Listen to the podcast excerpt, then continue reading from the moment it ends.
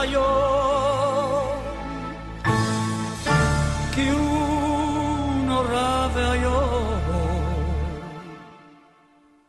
ובוא תינשא מלכותך,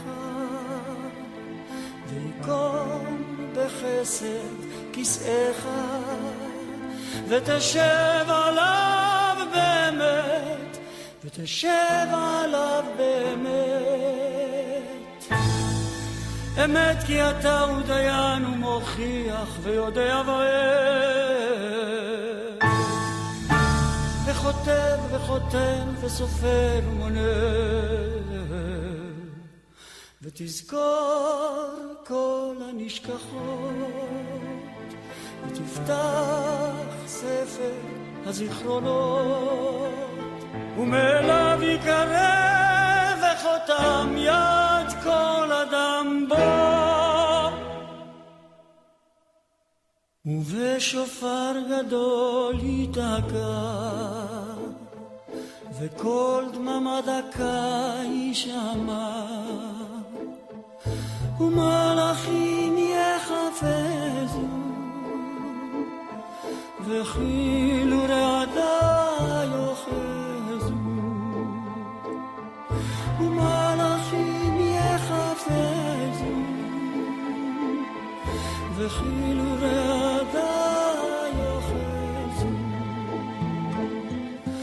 ובשופר גדול ייתקע וכל דממה דקה יישמע.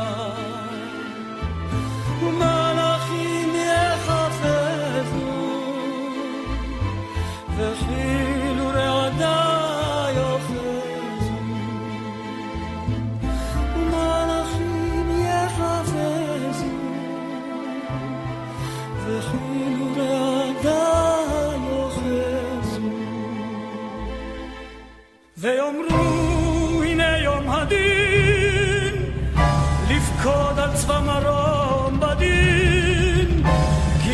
יזכו בעיניך בדין. וכל באי עולם יעברו לפניך כבני מרום. כבקרת רועה עדרו מעביר צונו תחת שבטו וכל באי עולם יעברו לפניך כבני מרום. כבקרת רועה עדרו מעביר צונו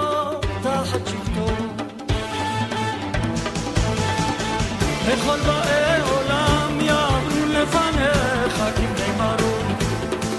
כבקרת רועה עדרו מעביר צונו תחת שבטו כן תעביר ותספור ותמנה ותזכור נפש כל חי ותחתוך קצבה לכל בריאה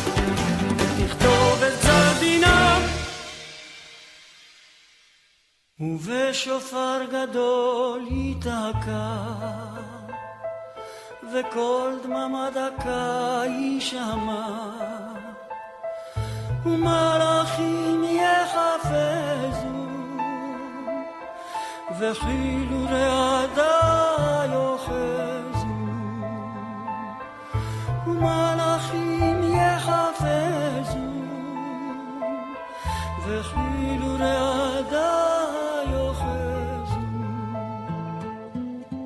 ובשופר גדול ייתקע וקול דממה דקה יישמע. ומלאכים יחפזו וכאילו רעדה יאחזו בראש השנה ייכתבו וביום צום כיפור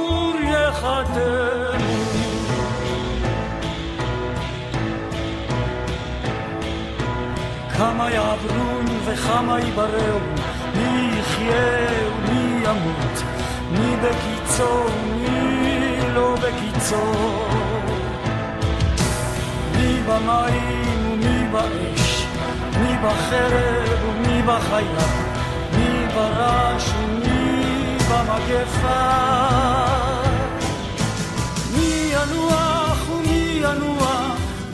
שקט ומתערף, מי שלב ומתייסר. מי שלב ומתייסר, מי ירום ומי שפל, מי יעשר ומי יעני. ותשובה ותפילה וצדקה מעבירין את רוע הגזרה. אמת כי אתה הוא יוצרם ואתה יודע יצרם. כי הם בשר ודם. אדם יסודו מעפר וסופו לעפר, בנפשו יביא לחמו.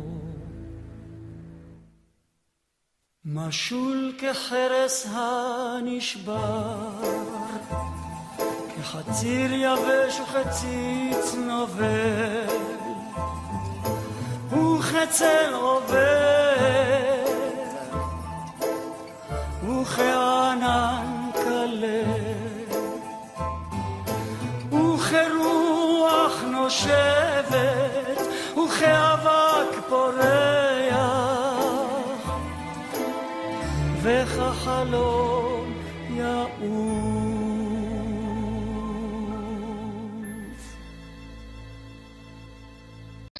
אה, כן, אז תאזינו לנו. סטיישון, מה שנקרא. ויש לנו מאזין על הקו?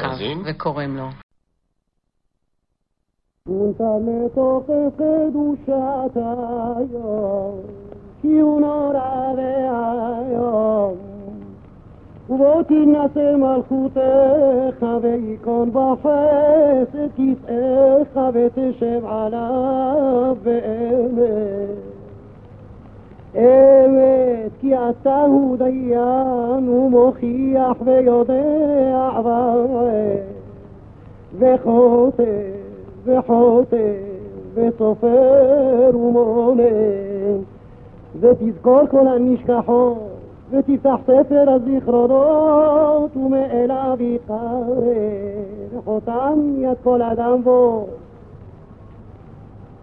ושופר גדול יצעקה, וכל דממדך יישמע, ומלאכים יחפזון, וחירור עדה יאחזון. יאמרו הנה זה יום הדין, לבכות כל דבר מרום לדין, כי לא יזכו בערך הבדין.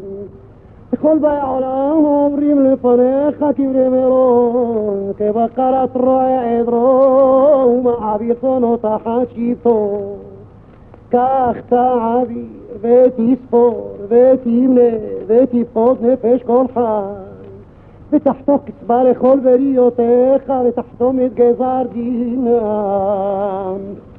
ביום ראש השנה ייכתבון וביום צום כיפור יחתמו כמה יעברו וכמה יתבררו מי יחיה ומי ימות מי בכיסו ומי לא בכיסו מי באש ומי במים בחרב ומי במלחמה מי ברעש ומי במגפה, מי בדבר ומי ברעש, מי ינוח ומי ינוע, מי ישלב ומי יצטרף, מי ישפוט ומי יתייסר, מי ירים ומי ישפיל, מי יעשיר ומי יעני, ותשובה, ותפילה, וצדקה, כי כשמך כן תהילתך. קשה לכעוס ונוח לרצות, כי לא תחפוש במות המת, אם בשובו מדרכיו וחיה. ועד יום מותו אתה תחכה לו, אם ישוב מיד תקבלו. אמת, כי אתה הוא יותרם ויודע יתרם. הם בשר ודם, אדם יסודו מעפר וסופו לעפר, ונפשו יביא לחור. משול כחרס הנשבר, כחסיר יבש, וכסיס נובש, כסל עובר, וכענן קלה, כרוח נושבת, כבק פורח, וכחלום יעוף. ואתה הוא אל מלך חי וקיים לנצח, אין חס לשנותיך. ואין חסבה לאורך ימיך, ואין שיעור למרכבות כבודך, ואין לפרש עילום שמך. שמך נאה ונאה אתה לשמה, ושמנו קראת בשמה, עשה למען שמה, קדש את שמך לעולמו, הרע מקדש את שמך.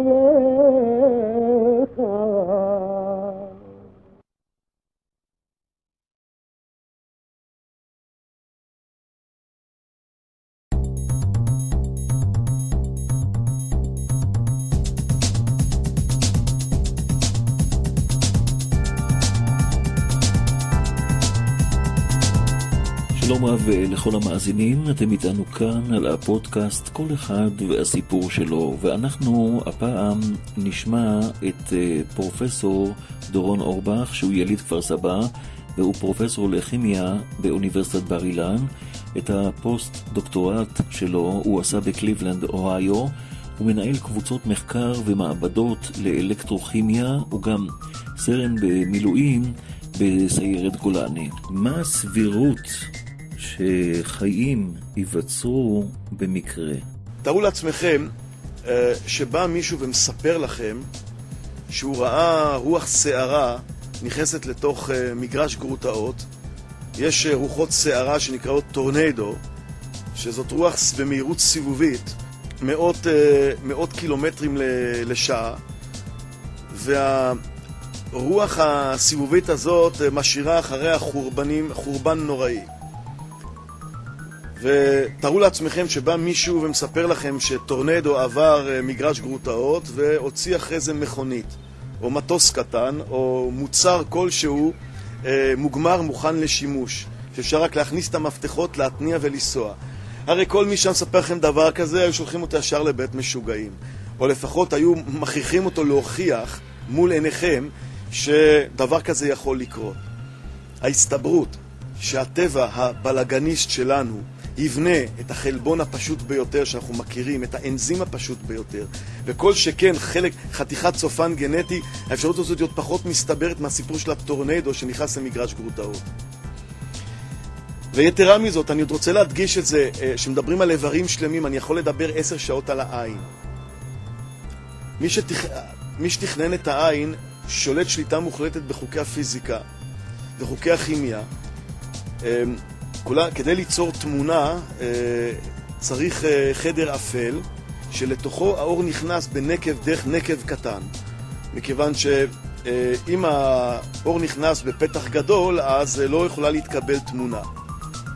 עכשיו, ולכן כדי שתתקבל תמונה צריכים שאור ייכנס לחדר אפל דרך נקב קטן ואז על הקיר ממול הנקב מתקבלת תמונה אפשר להשתמש בפטנט יותר טוב מנקב, והוא עדשה. עדשה מרכזת מאפשרת לקבל את התמונה בחדות יותר uh, טובה, תוך הכנסת כמות יותר גדולה של אור.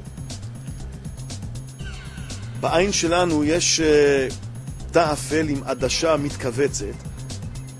ממול יש uh, מערכת קליטת אור מדהימה, שבה יש למעשה פילים, מה שאנחנו קוראים פילים, אותו...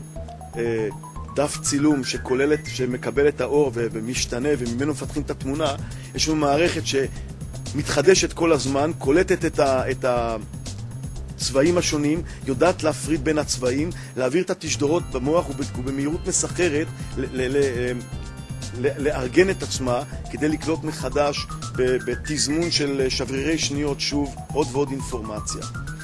ופה מדובר בהתרחשות סימולטנית של מאות ואלפי תגובות, גם תגובות אה, פיזיקליות, גם תגובות כימיות וגם תגובות חשמליות.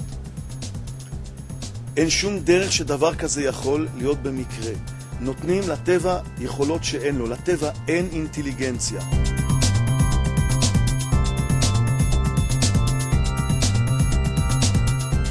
פרופסור אה, דורון אורבך, אה, אתה עומד בראש קבוצה לאלקטרוכימיה באוניברסיטת בר אילן, שבמעבדות שלה עוסקת בעצם בפיתוח מקורות כוח, צבירה והמרה של אנרגיה.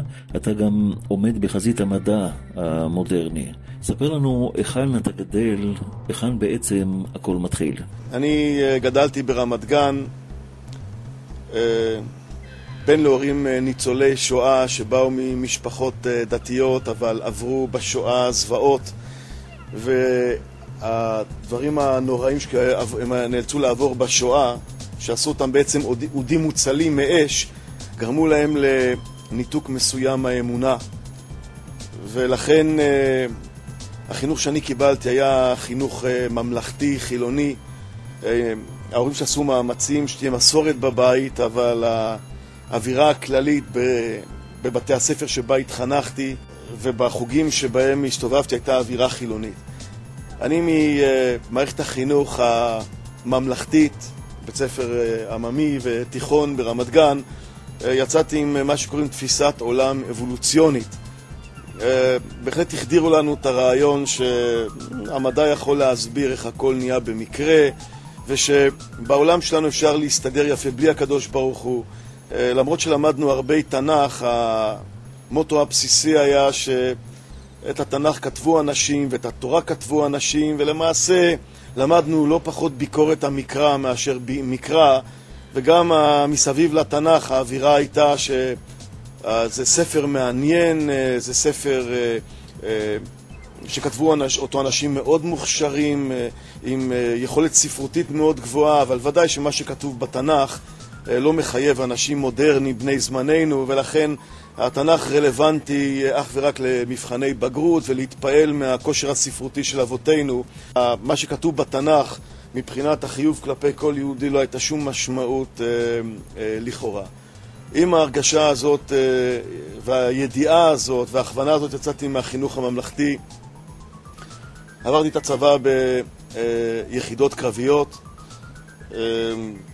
אה, הייתי ביחידת אה, סיור בצבא בסרט גולני, אחרי זה בחטיבת גולני, ואני גם קצין בצבא. והגעתי ללמוד באוניברסיטה. ברוך השם, הלימודים משכו אותי, ו...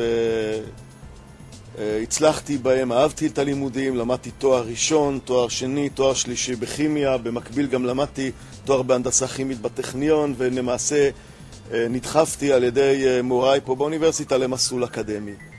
והיה ברור לי שאני רוצה במסלול הזה, זה מסלול שאפתני, מסלול עם אתגר, וכיוונתי את עצמי למסלול אקדמי. תוך כדי לימודי, לימודיי לתואר שלישי, והדברים למעשה הלכו והתאספו. התברר לי יותר ויותר שתפיסת העולם שעליה גדלתי היא תפיסת עולם מוטעית. כמה שלמדתי יותר ויותר את הכימיה של החיים, וכמה שהתעמקתי יותר במדע הכימיה, יותר ויותר היה ברור לי שתפיסת העולם שאיתה יצאתי לחיים היא תפיסת עולם מוטעית. כי יותר ויותר הוברר לי אה, שהעולם, החיים, הכימיה של החיים לא יכלה להיווצר במקרה. ואני ארחיב על זה מיד את הדיבור. אני רוצה אולי להזכיר עוד uh, דבר שהשפיע על עיצוב uh, אישיותי באותם ימים. באותם ימים אני מתכוון לימים שהייתי uh, סטודנט, שלמדתי לתואר uh, שני ושלישי. Uh, הייתה לי כבר משפחה, הייתי גם אבא לכמה ילדים, והייתי צריך להתפרנס ממשהו בנוסף למשכורת שנותנים באוניברסיטה לתלמידי מחקר, ולכן עקב הרקע שלי ביחידת סיור בצבא, אני הכשרתי את עצמי להיות מדריך טיולים. ובמשך שנים ארוכות עבדתי בתור מדריך טיולים, ולצורך זה הייתי צריך ללמוד לבד, בלי הלחץ של התיכון ובלי uh, הלחץ של בחינות הבגרות, מחדש, תנ"ך ותולדות עם ישראל בצורה מאוד אינטנסיבית, והפעם כבן אדם מבוגר ולא כתלמיד בבית ספר תיכון. והלימוד האינטנסיבי הזה של תולדות עם ישראל ותנ"ך כאדם מבוגר, ובצורה אינטגרלית אה, נתן לי אה, בהחלט, הייתי אומר, דפיקה בלב. אני ראיתי שתולדות עם ישראל מתכנסים, אני ראיתי שתולדות עם ישראל מכוונים למשהו, ראיתי שגם בכל הקשור לתולדות עם ישראל יש יד מכוונת ושום דבר שקרה לעם ישראל לא מקרי. גם הלימוד האינטנסיבי של התנ"ך כאדם מבוגר, שוב, בלי לחץ של בית ספר ובחינות בגרות, נתן לי תמונה אינטגרלית על התנ"ך, ומהר מאוד, אה, תוך כדי לימודיי האישיים, היה ברור לי שזה רחוק מאוד מלהיות ספר היסטוריה, או ספר אה, אה, שמביא מסרים ספרותיים, אלא יש בתנ"ך הרבה הרבה יותר מזה. תוך כדי לימודי הכימיה, ובפרט שלמדתי אה, כימיה של החיים, הוברר לי בצורה שאינה משתמעת לשני פנים, שהעולם לא יכול היה להיווצר במקרה. תפיסת העולם האבולוציונית שאיתה גדלתי, כלומר, שהכימיה של החיים התפתחה במקרה, ושהחיים התפתחו במקרה, ואחרי זה החיים השתכללו במקרה, תפיסת העולם הזאת היא לפי דעתי מוטעית לחלוטין, אין לה שום בסיס מדעי. יתרה מזאת, אני כמדען מתקומם על כך שהצליחו לטמטם את האנושות בתפיסת העולם הזאת, מילאו את האנציקלופדיות בדברים שאין להם שום שחר ושום בסיס מדעי אמיתי. ופה אני רוצה אה, שיהיה ברור, אה, התצפיות והמדידות הן נכונות ונאספות במסירות נפש. יש לי הרבה דברים טובים להגיד על המערכת המדעית ברמה הניסיונית, אותה מערכת מדעית שחוקרת אה, את המדע, את המדע העכשווי והמערכת של המדעים המדויקים. הבעיה זה עם, עם, עם האינטרפרטציות. כי באינטרפרטציות של המדידות, ונדבר על זה, יש הרבה מאוד שוחד של, ה, של השכל שהביא את עולם המדע למסקנות מוטעות, שברוך השם בסייעתא דשמיא אה, ידעתי אה, אה, לצאת מהם וידעתי וראיתי שהן לא נכונות. ובכן, כדי להבין במה מדובר, החוק היסודי ביותר של הבריאה נקרא החוק השני של הטרמודינמיקה. והחוק הזה אומר בפשטות שהתגובות הספונטניות בעולם הן תגובות שמביאות לאי סדר. הטבע מתנהג בצורה שככל שחומרים מסובכים מתפרקים לחומרים פשוטים, כך, המר, כך התגובות הן יותר ספונטניות, יותר משתלמות מבחינה טבעית. אם רוצים אה, אה, לראות אה, דוגמה כיצד החיים מתנהגים בצורה טבעית, גוף חי שמת מתפרק תוך שבועות ספורים למרכיבה והמוצק הופך נוזל, הנוזל הופך לגז ותוך uh, זמן קצר למעשה נשארים רק, uh, נשארות רק העצמות. זה, פה אנחנו רואים דוגמה לתהליכים טבעיים, רואים uh, תהליכים שבהם המהלכים הם מהלכים ספונטניים. אבל כל תהליכי הבנייה, המצב שבו החיים נוצרו מחומרים דוממים, האפשרות שדומם הופך לחי, ההסתברות שדומם הופך לחי, היא למעשה אפס. ופה אני אה, רוצה להבהיר כמה דברים. אה, אם אנחנו לוקחים אה, עלה של עץ, או עלה של דשא, כל עלה ירוק, עלה ירוק לוקח מולקולות פשוטות, הוא לוקח מים, דו תחמוצת הפחמן, חנקן, עוד חומרים נוספים, יסודות נוספים, ומייצר סוכרים, חלבונים, והוא עובד למעשה נגד החוק הבסיסי של הבריאה. כל תהליך הבנייה, לקחת מולקולות קטנות ולבנות אותן, זה תהליך שהוא למעשה תהליך לא ספונטני. האפשרות שתהליך כזה קורה ושכל עלה בעצם הוא מתנהג לפי חוקי הטבע זה בגלל הקרינה של השמש שנופלת עליו ומאפשרת למעשה ליצור, ליצור את האיזון. אבל כדי שהמערכת הזאת אכן uh, תעבוד, מישהו צריך להנדס אותה, מישהו צריך לבנות אותה מראש, היא לא יכולה להיבנות מאליה. אם אנחנו לוקחים uh, את אותו עלה ירוק של כל דשא, של כל uh, עץ ושיח, העלים האלה מייצרים בדייקנות מדהימה חומרי טבע. במהלך השנים uh, לא מעט מדענים קיבלו פרסי נובל על ייצור של חומרי טבע, כאלה שמייצרים הצמחים.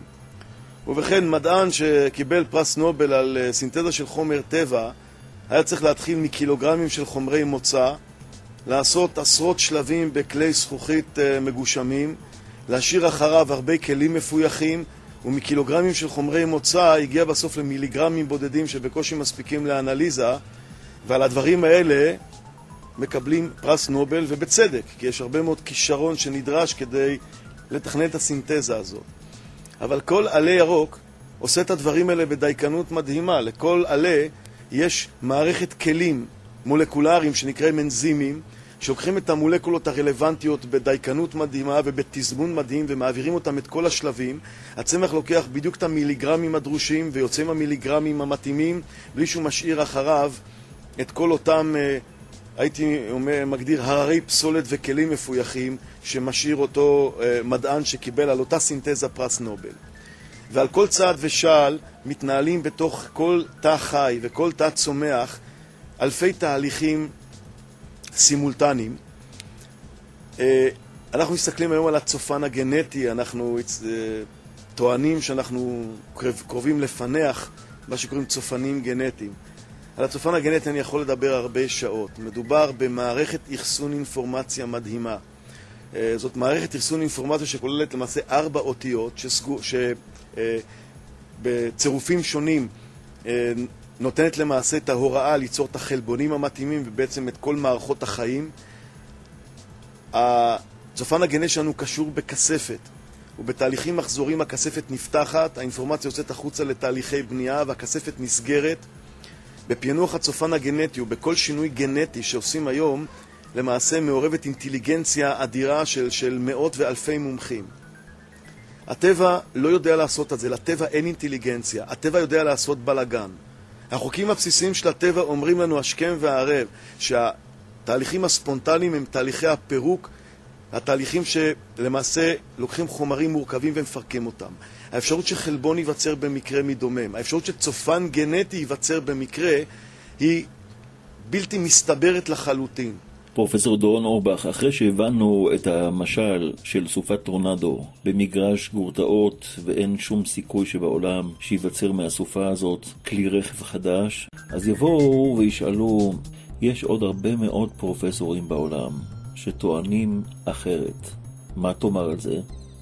מה, אני, אה, דורון אה, אורבך, אני הגאון היחיד בעולם, אז אין מדענים אחרים בעולם? איך זה יכול להיות שאני סובר ככה ואחרים סוברים אחרת? אם ככה, למה לא כל המדענים בעצם הגיעו למסקנה שלי ויוצאים בקול גדול אה, לשכתב מחדש את האנציקלופדיות?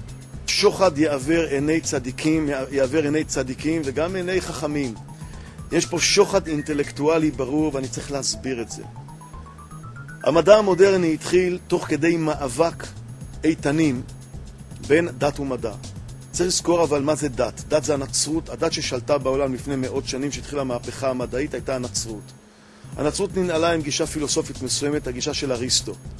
לפי הגישה הזאת, כדור הארץ במרכז וכולם צריכים להסתובב מסביבו. כי הרי האדם הוא מרכז הבריאה, והאדם חי על כדור הארץ, וכל הכוכבים וכל גרמי השמיים אמורים לשרת אותו. מה שנכון, נכון. אבל זה עוד לא יכול להגיד שום דבר לגבי איך הקדוש ברוך הוא תכנן את, המה, את מערכות, את גרמי השמיים מבחינה אסטרונומית כדי שהם ישרתו אותנו. ובעניין הזה יכולים להיות הרבה מודלים.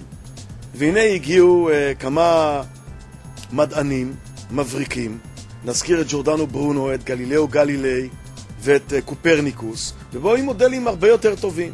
אם לוקחים את, במקום להעמיד כדור הארץ במרכז, אלא את השמש במרכז, וכוכבי הלכת מסתובבים מסביבה, אז אפשר להסביר בצורה הרבה יותר פשוטה את ההתנהגות של גורמי השמיים, לפחות הקרובים אלינו, עוד במסגרת של כוח הכבדה, הגרביטציה העולמית שכולנו אה, שמענו עליו.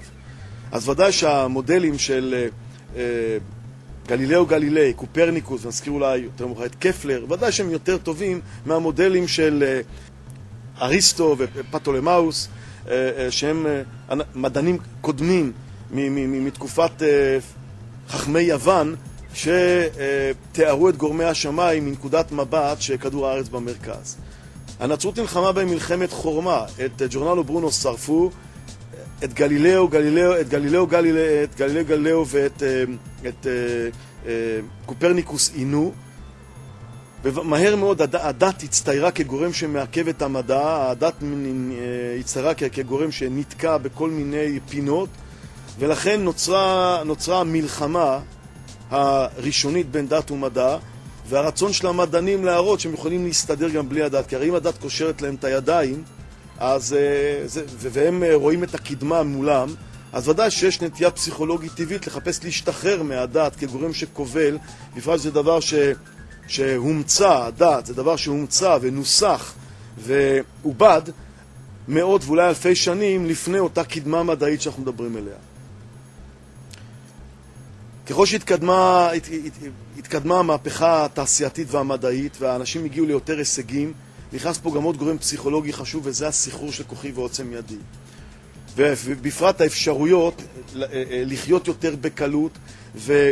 ובתנאים כאלה שאדם מתקדם בקצב מסחרר, אז ודאי שמה שיותר קודם הוא יותר פרימיטיבי, יודע פחות, מסוגל להפעיל פחות את הטבע, מסוגל לרכוב, לרכב פחות על חוקי הטבע, ולכן באופן טבעי נוצר מצב שהקדמה האנושית דחפה את האנשים לזלזל במה שהיה קודם.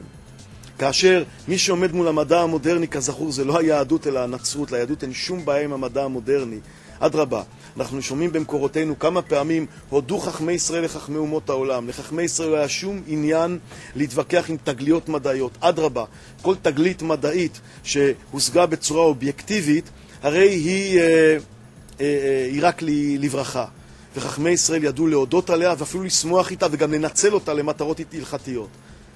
הרעיון שה, שאנחנו מתבוננים ב, בעולם ומנצלים אותו כדי לעשות את החיים שלנו יותר טובים, הרי הרעיון הזה מופיע כבר בספר בראשית, שהקדוש ברוך הוא נותן לנו בעצם את, ה, את העולם לשלוט בו, ואומר לנו רדו, מלשון לרדות, בחיות הארץ וב- ובדגה, ובעצם לרדות בעולם, ולמעשה הקדוש ברוך הוא השליט אותנו, בני האדם האינטליגנטים, על, על, על כל היקום, וכאן יש נקודה מאוד חשובה. הקדוש ברוך הוא מנהל את העולם עם חוקים מאוד מסובכים, אבל שמוח האדם יכול להמציא להם מתמטיקה. יש פה קורלציה מדהימה בין המורכבות של חוקי הבריאה ובין המתמטיקה שמוח אדם יכול להמציא. ומה שמאוד יפה לראות, שלפעמים האדם המציא מתמטיקה שלכאורה נראתה תלושה לגמרי, ולימים התברר שיש חוקים שהמתמטיקה הזאת מתארת אותם בצורה פנטסטית. זאת אומרת, הקדוש ברוך הוא מראש נתן לנו חוקים שמוח אדם יכול להמציא להם מתמטיקה, ולכן אפשרית בכלל קדמה מדעית. כל הקדמה המדעית בנויה על הרעיון שאנחנו מגלים חוקים, ואנחנו ממציאים להם מתמטיקה, בונים להם מודלים, מתארים אותם, ועל ידי כך, ועל ידי כך, אנחנו יכולים אה, לנצל אותם ולבנות טכנולוגיה ולשכלל את העולם. והקדמה הקדמה האנושית אה, הכניסה את האד- את האדם כאמור לסחרור של כוחי ועוצם ידי. נוסיף לזה עוד את העניין שהדת הצטרה כגורם שהוא מגביל את הקדמה המדעית. עכשיו, מאחר והדת באה עם המושג של אה, אלוקים ובורא עולם, אז כדי להשתחרר מהדת, אה, צריכים להשתחרר לא מהכמרים או מהכהנים, אלא בעצם מבורא עולם. ברגע שמראים שאפשר להסתדר בלי בורא עולם, אז כמובן שהדת מאבדת את כל אה, מקומה, ואז האדם יכול לרחף בעולם, להיכנס לסחרור של כוחי ועוצם ידי, וגם לעשות מה בא לו בראש. ופה אני רוצה גם אה, להדגיש שאדרבה, כמה שהמדע המודרני מתקדם והטכנולוגיה מתקדמת והחיים שלנו נהיים יותר קלים, ככה הרצון הפסיכולוגי להשתחרר ממגבלות מוסריות הוא רק יותר גדול, מכיוון שהחיים, ש- נניח עד לפני עשרות ומאות שנים, החיים היו קשים, ואדם היה צריך לעמול מהבוקר עד הערב כדי להוציא לחם מן הארץ, אז זאת תוספת של אה, מגבלות מוסריות לעומת הקושי היומיומי הבסיסי של החיים, זה הדבר אה, לא, לא בהכרח משמעותי מבחינת קושי החיים. אבל ככל שהחיים נהיים יותר קלים, וככל שהטכנולוגיה מקפיצה אותנו לקלות, שאנחנו היום הולכים ברחוב, מדברים מקצה, מקצה העולם ועד קצהו, ואנחנו יכולים בהנף אה, טלפון אה, לארגן לעצמנו כרטיס טיסה ולהיות תוך כמה שעות בקצה השני של העולם, במצב שכולנו קלים כמו נוצה, אז ודאי ששמים על נוצה כל משקל, היא מיד נופלת. כוח עליון מביא איתו צווים מוסריים, כוח עליון מביא איתו מגבלות, כוח עליון מביא איתו דרישות, והדרישות האלה עומדים לכאורה בסתירה לחיים מודרניים, כלילים, שבהם אנחנו יכולים בעזרת הטכנולוגיה לעשות כל מה שאנחנו רוצים.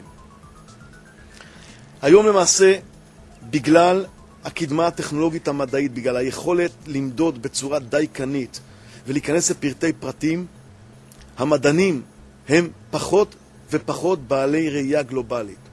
היום המדע המודרני מתק- מתקדם, הייתי יכול אה, אה, לתת משל.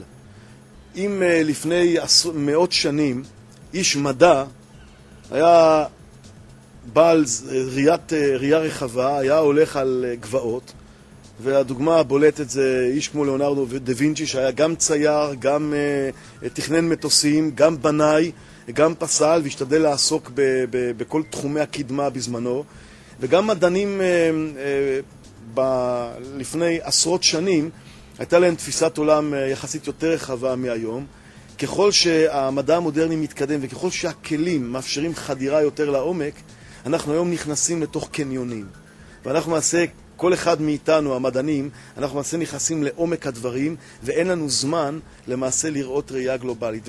ולכן בהחלט יכול להיות שמדען, אה, איש מדעים מדויקים, יעסוק במחקר ברמה הגבוהה ביותר, ויהיה קרוב לאמת המדעית, ויחד עם זאת, הוא יהיה מוכן לקבל תפיסת עולם אבולוציונית, או הוא יאמין לכאלה שמספרים לו שהעולם נהיה במקרה, או שנדמה להם שיש להם ראיות שהעולם נהיה במקרה, ולא יהיה לו שום זמן, ולא יהיה שום סיכוי שיהיה לו זמן לחקור אותם ולבדוק עד כמה הם באמת אה, אה, צודקים. בעניין הזה אני מוכרח אה, אה, לספר לכם שיש לי במשרד צרור מאמרים שהגיעו אליי לאחרונה מהתחום שנקרא Origin of Life, או מוצא החיים. והמאמרים האלה נמצאים אצלי, זה אנשים שכביכול מנסים לתאר איך יכול להיות, איך חיים יכלו להיווצר במקרה. רבותיי, אני אומר לכם, זה דברי הבל. אם אני הייתי כותב ברמה הזאת, היו זורקים אותי מכל המדרגות. זה אוסף של ספקולציות עלובות, ואני חייב להתבטא בצורה חמורה. אני חושב שכל מדען רציני שאני אשב איתו עם הדברים האלה, הוא יסכים איתי שזה לא רמה של כתיבה מדעית במדעים מדויקים. יש פה בעיה פסיכולוגית שלאנשים לא אכפת מה נעשה מעבר לדלת. לאנשים גם אין זמן להתעסק עם תחומים אחרים במדע. ואני רוצה להדגיש יותר, לספר לכם איך בכלל מדען מגיע להיות אה, איש אה, חבר סגל אקדמי. מגיע סטודנט ללמוד תואר ראשון במדעים. הלימודים הם קשים מאוד. 40 שעות בשבוע, הרבה שעות ביום, הלימודים הם מפרכים, אבל רואים תמונה יחסית רחבה במקצוע, מי שלומד כימיה, פיזיקה, רואה ודאי תמונה רחבה. ברגע שה... והלימודים הם סוחפים, ודאי שאין לך הרבה זמן להיות ביקורתי יותר מדי, אה, כי אתה צריך להצליח במבחנים, אתה למעשה רץ אחרי המרצים, אתה רץ אחרי המבחנים, אתה רץ אחרי תוכנית הלימודים. אם אתה מאוד מוכשר ושמים עליך עין, אז מציעים לך, בוא תמשיך ללמוד, תמשיך לתואר שני או עוד יותר טוב, מסלול ישיר לדוקטורט אם אתה מאוד מוכשר, ואז אתה נכנס לתוך תוכנית לימודים לדוקטורט, אתה נכנס לעשות עבודת מחקר. ואז אתה מצטמצם מאוד יחסית למה שלמדת בתואר ראשון, כי עכשיו אתה עושה עבודת מחקר ומתאמן במחקר ספציפי. נותנים לך פרק זמן מוקצב, 4-5 שנים לגמור מסלול ישיר לדוקטורט, אתה בריצה מטורפת, אתה הרבה פעמים חייב להיות נעול על הראש של המנחה שלך, אה, המדידות הן קשות, התיאוריות מסובכות, אתה צריך להיכנס לעומק, היום עם הרמה שיש היום והאפשרויות הקיימות היום, גם מבחינת מחשוב, גם מבחינת מכשור, אלקטרו-אופטי, אלקטרוני, כימי, אפשר להיכנס לעומק ואתה נדרש להיכנס לעומק. אין לך זמן לחשוב מחשבות גלובליות, אין לך זמן לעמוד על גבעה ולהתבונן. בטח שאין לך זמן לחשוב איך יכול להיות שחיים נוצרו במקרה, וגם אם אתה במקרה נפלת למדען שעוסק ב-Origin of Life, בטח שאין לך שום כלים לבקר אותו, גם אין לך אומץ לבקר אותו, ואתה למעשה שט בתוך קניון, כמו שעושים רפטינג ברפסודה, בתוך קניון ובו מים שוצפים, מים סוערים, ככה למעשה אתה נעול, אתה ננעל בתוכה, אתה נוסע בתוך המערכת המדעית, גמרת דוקטורט בהצלחה, כולם מוחאים לך כפיים, נו, עכשיו אתה באמת קנדידט, אתה מועמד לבוא, לחזור לאוניברסיטה, לחזור לאקדמיה. אתה נדרש לנסוע לארץ זרה, ארה"ב, גרמניה, צרפת, בריטניה, יפן, אחת ממעצמות המדע. או אם אתה בארץ אה, אחרת, אה, אה, מתקדמת אחרת, אז אתה נדרש ללכת לאוניברסיטה אחרת, רצוי יותר טובה מזאת שגמרת אותה, כדי להשתלם, להוכיח את עצמך, ואתה עושה מה שקוראים פוסט-דוקטורט. ופה אתה נכנס לסחרור עוד יותר גדול. אם פה היית בתוך קניון עם מים סוערים בדרגה זו או אחרת, דרגת השצף קצף והמהירות של המים שעכשיו אתה נסחף בהם, היא עוד גדלה הרבה יותר. אתה מקבל שנתיים ואתה צריך תוך שנתיים לכתוב כמה מאמרים ולהוכיח את עצמך. אתה הרבה פעמים צריך להצטמצם עוד יותר, גם אם זה בתחום שונה ממה שעסקת בו קודם, ואתה למעשה נעול לגמרי. אין לך זמן לחשוב ולבקר, אתה צריך להוכיח את עצמך בתחום המדע שתיעלו אותך, או אתה תיעלת את עצמך אליו. נו, ובשעה טובה ומוצלחת גמרת את הפוסט-דוקטורט והגעת לאוניברסיטה. עכשיו אתה מקבל מעבדה, מקבל תחום, תוכיח את עצמך. תוך ארבע שנים אתה צריך להוכיח את עצמך שיקבל קביעות. אחרת, אם תוך ארבע שנים לא יהיו לך מספיק תוצאות, יעיפו אותך, ואז הביזיון הוא הרבה יותר גדול. לעצור אחרי תואר ראשון, תואר שלישי, ככל שנעצרים אחרי תואר יותר גבוה, ככה הביזיון יותר גדול, ולכן המוטיבציה הרבה יותר גדולה. אז אדם מקבל מהמעבדה, בטח שלא יצא אה, מול המערכת המדעית, ולכן הוא עובד בתחום שהוא בחר לעצמו, ושוב, למעשה אנחנו מדברים על עוד ריצה מטורפת, ואחרי הקביעות באה עלייה בדרגה, ולמעשה עד שהאדם מגיע לאיזושהי מנוחה ונחלה בגיל 40-45, למעשה הוא כבר בתוך המערכת, הוא נעול, שבמשך כמעט 20 שנה של הכשרה, ספק אם היה לו זמן לעצור ולחשוב ולהסתכל תמונה גלובלית. אני רוצה לספר לכם סיפור אישי. יש לי קשר עם בחור מאוד מוכשר, שעוסק ב... בכימיה מסוים, בנושא מסוים בכימיה, והוא במקרה נתקל בקבוצת מדענים בכירים בגרמניה, שעוסקת בנושא של מוצא החיים, מה שקוראים Origin of Life, ומנסה אה, לעשות כל מיני פנטזיות איך דומם הופך לחי במקרה. הוא במקרה עבר על החומר, הוא היה בסימפוזיון שבה הוא שמע יום שלם את אה, הגיגיהם ואת מחשבותיהם, והוא שפשף את עיניו בתימהון, הוא החליט אחרי הכנס הזה שהוא כותב מאמר שבו הוא מוכיח כמה שהם טועים וכמה שהסיפור שלהם אין לו בסיס מדעי. והוא היה בדרך אה, לכתוב מאמר ולהילחם את המלחמה הזאת, ואז אה, כשנפתח לו הפתח אה, להיכנס לאקדמיה, היה לו ברור שאם הוא ינהל מלחמות מהסוג הזה, אין לו שום סיכוי. ולכן הוא עזב את הנושא הזה מתוך פחד להיכנס, מתוך פחד לא להיכנס למלחמה נגד מה שקוראים מוסכמות אקדמיות. מה שאני רוצה להגיד הוא בצורה הברורה ביותר. כל מדען רציני שידחפו אותו אל הקיר בכמה שאלות מנחות שקשורות לחוק השני של טרמודינמיקה, לאיך שהכימיה מתנהגת, לאיך שהביולוגיה מתנהגת, אפשר בקלות להביא אותו לגמגם בכל מה שקשור לעניין של מוצא החיים, אבולוציה, ולמעשה כל מדען שיכריחו אותו לחשוב, אין לי ספק שהוא יגיע למסקנות שלי. אז לי הייתה, ברוך השם, סייעתא דשמיא, ואולי זכות אה, סבותיי ואבותיי, שזכיתי שנפתחו לי העיניים בגיל צעיר יחסית, שבו עוד יכולתי לשאול שאלות והיה לי זמן לשאול שאלות, וברוך השם גם קיבלתי תשובות. אני רוצה אבל, אני רוצה אבל עוד אה, נקודה להדגיש. המערכת המדעית בעיקרון, ופה אני מוכרח שהתמונה תהיה אובייקטיבית, המערכת המדעית היא מערכת טובה ובריאה. המערכת המדעית, בפרט במדעים מדויקים, כרוכים בה אלפי מדענים שעובדים במסירות נפש.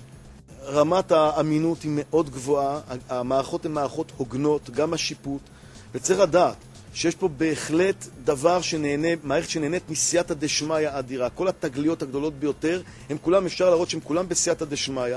ולמעשה רק אחר כך בא המחקר השיטתי ומפלס את הדרך. אם מסתכלים איך המדע המודרני התקדם במאות שנים האחרונות, או במאתיים שנה האחרונות, רואים למעשה בדיוק כמו שסוללים כביש ועושים פיצוץ שמפרק את הסלעים, ואחרי זה באים הדחפורים ובפעולה שיטתית מפלסים את הדרך, בדיוק אותו דבר מתקדם, מתקדם המדע המודרני. ישנה את ההברקה התורנית, איזה מדען בא עם הברקה, שזה אפשר לראות שזה סייעתא דשמיא, וזה לא תוצאה של מחקר שיטתי, ואחרי זה באים המדענים.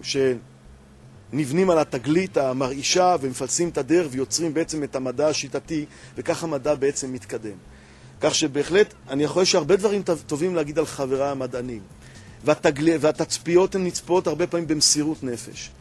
הבעיה היא האינטרפרטציה הכללית בנושאים הספציפיים של מוצא החיים ואבולוציה שנובעים משוך הפסיכולוגיה. עכשיו צריך לדעת, ברוב תחומי הכימיה והפיזיקה והביולוגיה, המדע המודרני מתקדם מאוד יפה, והמדע המודרני זה ללא ספק שפה שדרכה אפשר להתפעל מהבריאה. המדע המודרני הוא כלי יוצא מן הכלל להתפעלות. אברהם אבינו הגיע להכרה שיש בורא לעולם דרך התבוננות בעין בלתי מזוינת. בדרך הסתכלות בהרמוניה של הבריאה ובאיזון בין חלקי הבריאה. המדע המודרני יכול להסתכל על הבריאה בעיניים הרבה יותר חדות מאשר אה, יכול היה להסתכל, יכלו להסתכל על אנשים בדורו של אברהם אבינו. למדע המודרני יש היום טלסקופים שמוליכים אותו עד אה, למרחקים עצומים, יש מיקרוסקופים שאפשר לראות, אצלי במעבדה אפשר לראות בהדמיה אטומים ומולקולות. אז אדרבה, המדע המודרני נותן כלים אדירים להתפעל מהבריאה. ובעזרת המדע המודרני אפשר לאהוב את הקדוש ברוך הוא ולראות הרמוניה מופלאה בתוך החי, בתוך הצומח, בין החי לצומח, בין החי לדומם, בין כדור הארץ כמערכת וחלקיו השונים, בתוך גרמי השמיים. וכל הבעיה היא שצריך לפרק את האנושות מהשוחד הראשוני שתפס אותה, שאחז בה בתחילת המהפכה המדעית, כדי להעלות אותה לפסים הנכונים, שהמדע באמת יוכל להיות כלי להתפעלות.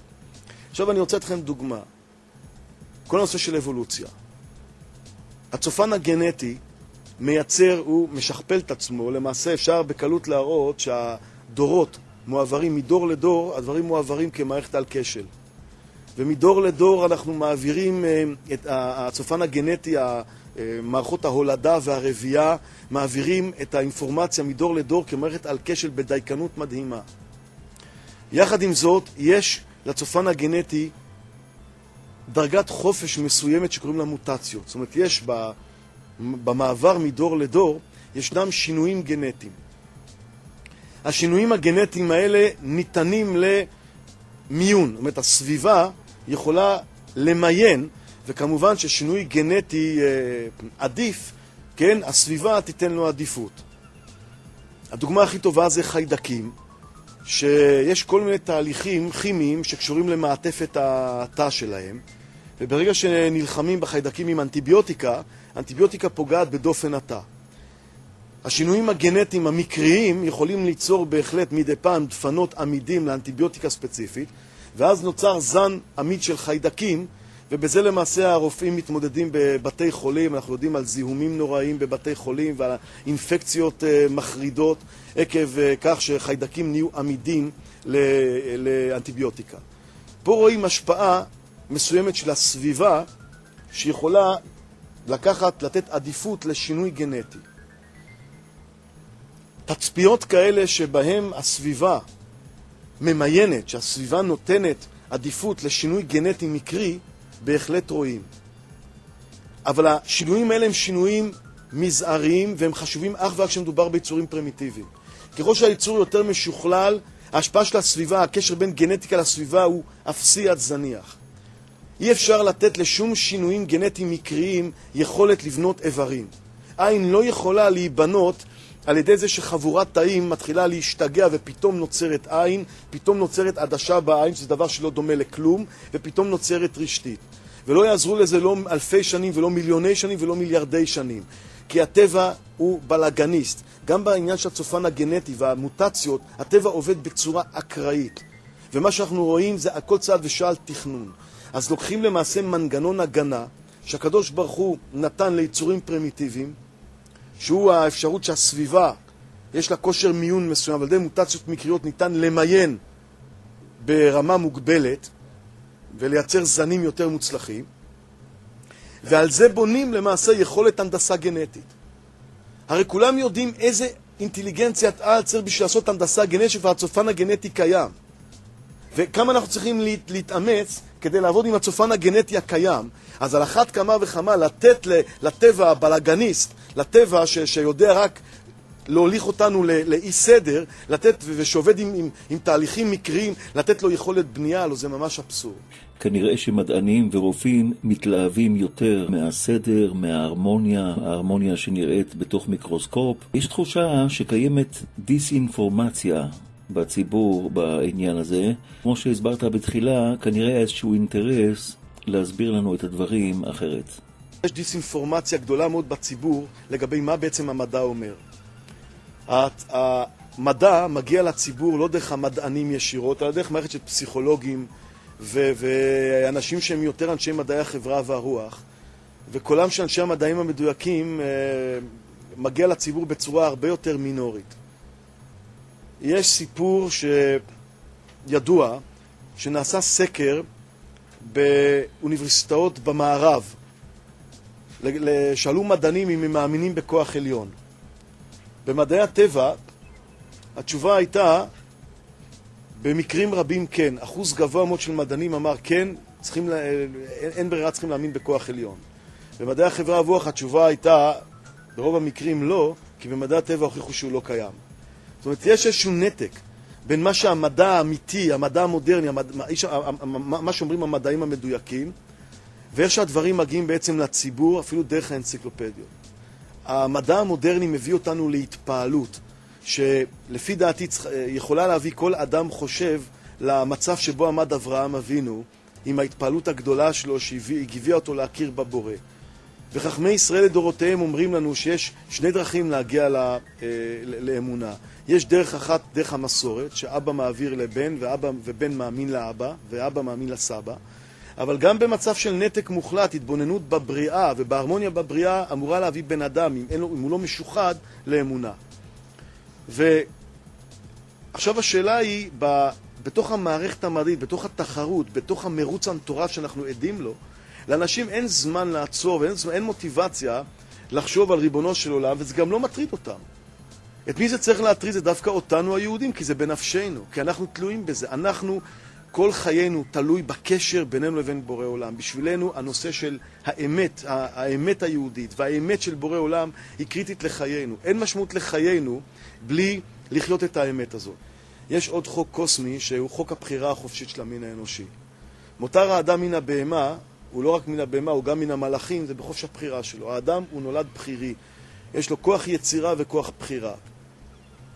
ולכן כל יהודי מדרך הטבע, שנולד יהודי, צריכה להיות לו הדרך להגיע לאלוקיו, להגיע ל- לאמונה היהודית הצרופה. ואם אין דרך כזאת, אז למעשה יוצא שזו פגיעה חמורה בחופש הבחירה. ומאחר ואני מכיר ו- ו- ויודע ומאמין בחופש הבחירה, כ- כ- כלמעשה המתנה שיש למין האנושי ולאדם שנברא בצלם אלוקים, הרי מוכרחה מבחינה קוסמית להיות דרך שתוביל כל אדם באשר הוא להכרה ולאמונה. במציאות שגדלים היום אנשים בארץ ישראל, וגם אנשים בעולם המערבי, דרך הגישה הס- הס- השכלתנית, דרך הגישה הניהיליסטית, הגישה שמאפשרת לכאורה להבין את העולם בלי כוח עליון, הרי אם לא תהיה דרך לוגית להביא אדם לאמונה, אין לו חופש בחירה. אדם פסאודו-אינטליגנטי שיוצא היום ממערכת החינוך שלנו בארץ, אם אין דרך לוגית, ואם הוא- אם אין דרך לוגית להביא אותו לאמונה, אין לו שום סיכוי להיות אה, פעם יהודי שומר תורה ומצוות. ולכן חייבת, מבחינה קוסמית, דרך להביא כל אדם, כופר ככל שהוא יהיה, להכרה השכלית, בהתמודדות שכלית, לאמת היהודית. ופה, ככל שאנחנו מתקדמים עם הזמן, קורים שני דברים. מצד אחד אנחנו מתרחקים ממעמד הר סיני, גם האנשים הגדולים, כן, הולך ופוחת הדור.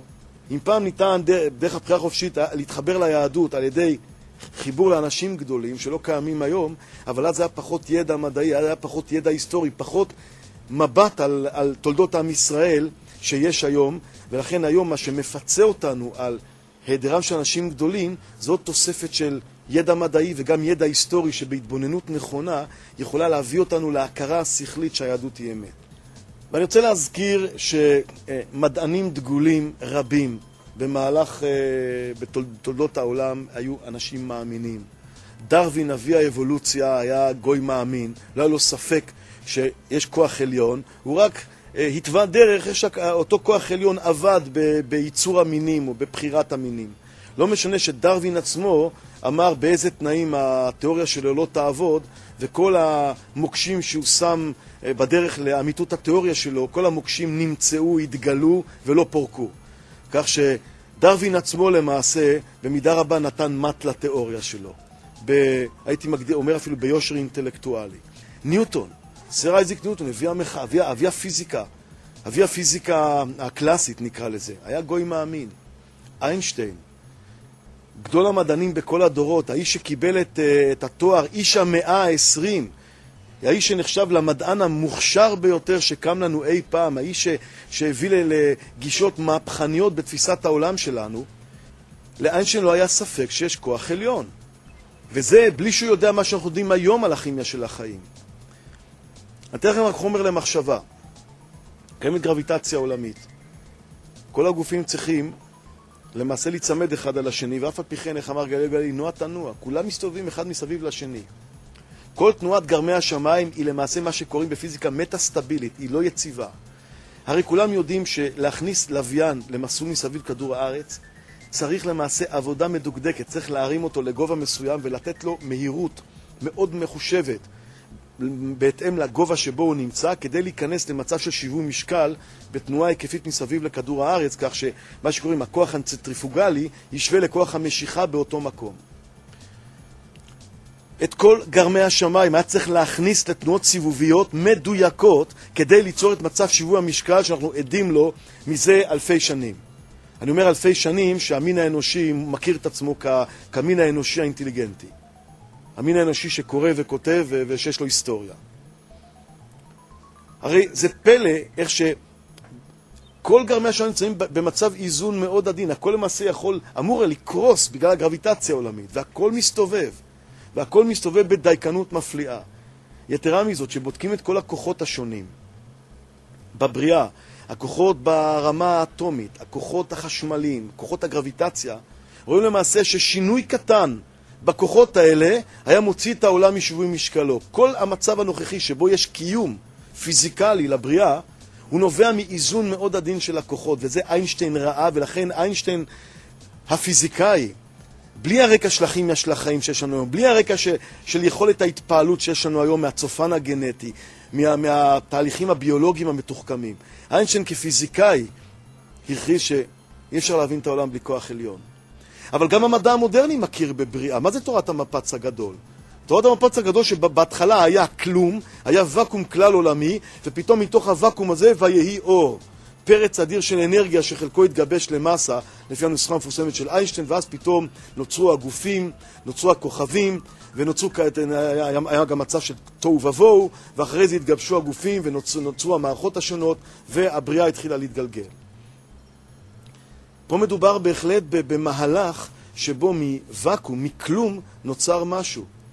פה צריך לקבל אינפורמציה מהקדוש ברוך הוא. כל מה שנגיד יש ספקולציה. רק, רק לחשוב על ההנדסה הגנטית, איך ליצור את, ה, את התאים הראשונים, איך ליצור, לברוא את היצורים, איך להתאים כל יצור לסביבתו, איך להגיע, ל, לבנות הרמוניה מופלאה בין כל חי ובעל חיים לסביבתו, ואיך, ואיך ליצור את ההרמוניה בטבע, לדברים האלה צריכים uh, מהנדס בלתי מוגבל, שאנחנו קוראים לו ריבונו של עולם, אנחנו קוראים לו אלוקי אברהם, אלוקי יצחק ואלוקי יעקב, ובלי לקבל אינפורמציה ישירות ממנו, אין שום סיכוי להגיע לסודות של הבריאה. ולכן, עם כל הכבוד למדעני העבר, אני מבקש ומציע להם שהם יהיו הוגנים ויודיעו לאנושות שהם עוסקים בספקולציות ועוסקים באינטרפולציות, שהם, באקסטרפולציות, שהם לוקחים הווה, מותחים אותו, הווה שנמדד בקושי בצורה מדויקת 50 שנה, ומותחים אותו אחורה מיליארדי שנה, רק הם לא אומרים שבתנאי שכל התהליכים שקורים היום יתרחשו גם בבריאה, דבר שלפי דעתי הוא אבסורד מבחינת המדע. אז לכן לא יכול שום סתירה, לא, שום סתירה לא יכולה להיות בין, בין מה שאומרים לנו חכמי ישראל ובין המדע המודרני. אדרבה, כל תגלית מדעית שמשרתת את האנושות היא מקבלת את ברכת חכמי ישראל ונביאי ישראל לדורותיהם. הרי הקדוש ברוך הוא מראש מדבר איתנו בשתי שפות. שפה ישירה זה התורה, ושפה עקיפה זה חוקי הבריאה ששכל האדם יכול להמציא להם מתמטיקה. ואפשר להגיע לקדוש ברוך הוא בשתי דרכים, ישירות דרך התורה, או באופן עקיף על ידי התפעלות ממעשה הבריאה. שהמדע יכול לתת כלי אדיר דווקא להתפעלות ולא לכפירה. הטרגדיה ההיסטורית הייתה שהמדע הפך להיות כלי לכפירה במקום לכלי, לכלי להתפעלות. אבל אני חושב שהזמן הקרוב יעשה בזה שינויים. ככל שנתקדם יותר במדע המודרני, אני מצפה שיותר ויותר מדענים יגיעו להכרה שהמדע הוא צריך להיות כלי להתפעלות מהבריאה, מהבורא, ולא כלי לכפירה בבורא. כרגע אנחנו לצערנו במצב שמתוך זכיחות דעת, כמו שהסברתי, מתוך uh, חוסר זמן לחשוב, מסיבות היסטוריות, מסיבות של שוחד פסיכולוגי, המדע המודרני עדיין משרת הרבה אנשים ככלי של כפירה ולא כלי של התפעלות. אבל בפועל המדע המודרני זה הכלי היפה ביותר שיש לאנושות להתפעלות, והקדוש ברוך הוא בכבודו בעצמו מעניק למדע הזה המון סייעתא דשמיא. שאני מאחל למדענים להגיע לדרגת הגינות אה, מספקת כדי להודות בזה ולהודות גם לקדוש ברוך הוא על הסייעתא דשמיא שהוא נותן להם. ברגע שנכנסים לכימיה של החיים, שרואים מה, מה, איך הטבע עובד, איך, איך, איך, איך הפוטוסינתזה עובדת, איך הטבע מייצר חומרים, איך, איך עובד התא החי, איך נראים האנזימים, איך, נראים ה... איך נראה הצופן הגנטי, איך הצופן הגנטי מתרגם את עצמו בצורת, כמערכת על כשל לייצור חלקי התא, איך נוצרים יצורים uh, חיים. Uh, אדרבה, איך uh, כל יצור חי בטבע מותאם בצורה מדהימה לתנאי הסביבה שלו. כשמסתובבים עם זואולוגים בגני החיות, הם יסבירו לך שכל שערה באוזן של איל תורן מתאימה בול לדרישות של הסביבה שלו. וידברו איתך על מבנה האוזניים, והעיניים, והנחיריים, והפרווה, והרגליים, והציפורניים, ויראו לך בצורה מדהימה איך שכל איבר הכי קטן בגוף החי מתאים בצורה פנטסטית את היצור לסביבתו. רק להתבונן על זה ולחשוב, ללכת עוד שני צעדים רוורס ולחשוב מי היה, יכול, מי היה יכול לייצר את זה באופן מקרי כשהטבע הוא בלאגניסט אחד גדול. הטבע אין לו אינטליגנציה בשביל לעשות הנדסה גנטית. לטבע אין אינטליגנציה. הטבע הוא דבר, הטבע הגשמי שאנחנו מודדים, אין לו שום אינטליגנציה. נותנים למעשה, הייתי אומר, שהאנשים, שהאנשים שמתעלמים מכוח עליון וחושבים שהכל היה במקרה, הם מאמינים פנאטים במקריות. מדובר פה בהתגלות לפני משלושה מיליון אנשים ביציאת מצרים, במעמד הר סיני, בקריאת ים סוף. מדובר פה בדברים שאפשר להכחיש אותם. אין שום דת, אין שום אמונה בעולם שמובילים אותה מיליוני אנשים, שהתחילה מחוויה של מיליוני אנשים. ביהדות יש כמה דברים שלא ניתן להכחיש אותם, לא ניתן לערער עליהם. עובדה גם שכל העולם העתיק לפני אלפי שנים, הכיר באמת היהדות, אה, היהודית, הלוא הנצרות, שנולדה לפני אלפי, אלפיים שנה, נבנתה ליהדות, לשום נוצרי בעולם שחי מסביבנו, ואפילו נוצרים שאייבו אותנו, לא היה להם ספק שכל מה שכתוב בתנ"ך נכון. היה ברור לכל העולם שכל מה שכתוב בתנ"ך נכון. זאת אומרת שבמשך אלפי שנים יש לנו ביקורת שבשום מקום אי אפשר לשתול, לא היה אפשר לשתול לנו את ההיסטוריה שלנו ולבלף אותנו. מה גם ש... תולדות עם ישראל נחזו מראש. כל הדברים האלה הופכים את, את, את נושא מתן תורה לדבר אמין, לדבר הכרחי, כך שיש לנו עוד גורם התפעלות מבורא עולם שנתן לעם ישראל תורה, נתן לעם ישראל בעד מסמך על-אנושי. עכשיו נשאלת השאלה, האם אנחנו היום, 3,314 שנה אחרי מתן תורה, יודעים מה, מה לעשות עם התורה. הרי התורה ניתנה לעם שנדד במדבר, עם עם רמה טכנולוגית אה, של לפני אה, אלפי שנים, והיום אנחנו במציאות אחרת לגמרי. האם התורה עדיין רלוונטית אלינו? האם היום אנחנו יודעים למה הקדוש ברוך הוא התכוון?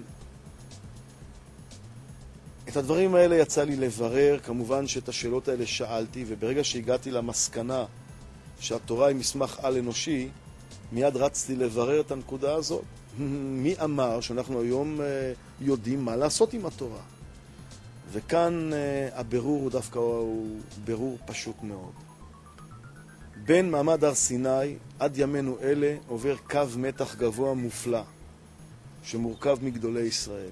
במשך כל הדורות התורה לא עברה על ידי חבורות של זקנים פרנואידים שהסתובבו במערות או רקחו כל מיני מרקחות פילוסופיות. אלא התורה הועברה בדייקנות מופלאה מדור לדור על ידי ענקים אינטלקטואליים ברמה הגבוהה ביותר. החל מהנביאים, שכל העולם מתפעם מהם, הלוא מי שהיה בארצות הברית וראה על מה הושתתה ארצות הברית, המעצמה הגדולה בעולם, הושתתה על נבואות נביאי ישראל. כל העולם מתפעל מנביאי ישראל. ואחרי זה אנשי הכנסת הגדולה, התנאים, האמוראים, הראשונים, הרמב"ם, רש"י, הרמב"ן, הריף, הראש, רבי יוסף קארו, הארי, הגאון מווילנה, רבי חיים מוולוז'ין, הבעל שם טוב. אני יכול למנות פה גלריה מפוארת של אלפי אלפי ענקי עולם, אנשים שהם ענקים אינטלקטואליים, שמסרו את נפשם בהעברת התורה. ואנחנו יכולים לעקוב דור אחרי דור, מי העביר לנו את התורה, ובאיזה נאמנות, ומה הכלים שבהם התורה עוברת, ומה הכלים של התורה להתאים את עצמה מדור לדור. בשביל זה יש לנו, ברוך השם, עולם תורה, יש לנו ישיבות, שבהם התורה היא תורת חיים, ושמכירים את עולם הישיבות ואת עולם התורה ואת גדולי ישראל, אז אין שום ספק שבדיוק כמו שהמערכת הגנטית עוברת כמערכת על כשל מדור לדור, גם התורה עוברת כמערכת על כשל מדור לדור. עוד אה, דת ומדע רק משלימים אחד את השני. התורה היא תורת חיים, התורה מאפשרת לנו לעבוד עם הכלים שהקדוש ברוך הוא נתן לנו, עם השפה שהקדוש ברוך הוא נתן, עם ההוראות מהיצרן, והמדע הוא מספק לנו, יכול לספק לנו כלי אדיר להתפעלות מהבריאה.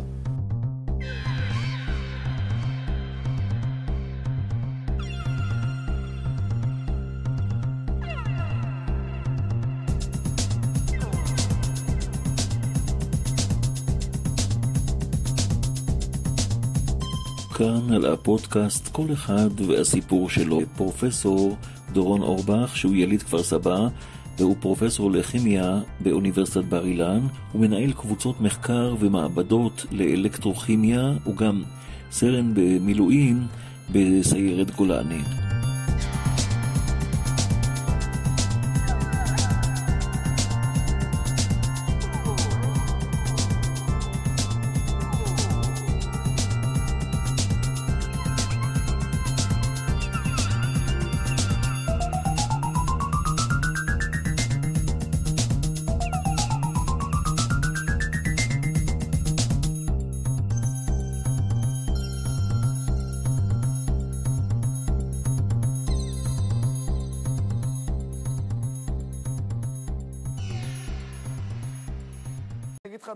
טוכפלד ועידן רצבי, והם מקשיבים בקשב רב למוצא פיך. הסיפור שלנו, כל אחד והסיפור שלו, אנחנו ניגע קצת בדמות הוד של הרב יוסף שלמה כהנמן, זכר צדיק לברכה, שהיה תלמיד של החפץ חיים, והוא כאמור היה ראש ישיבה בליטא בעיירה שנקראת רוניביץ' לפני השואה, ואחרי שאיבד את רוב משפחתו בשואה, הוא מגיע לארץ ומייסד ישיבה, מייסד גם בית יתומים מאוד חשוב בארץ, שנמצא בבני ברק, ואנחנו נספר איזשהו סיפור עליו.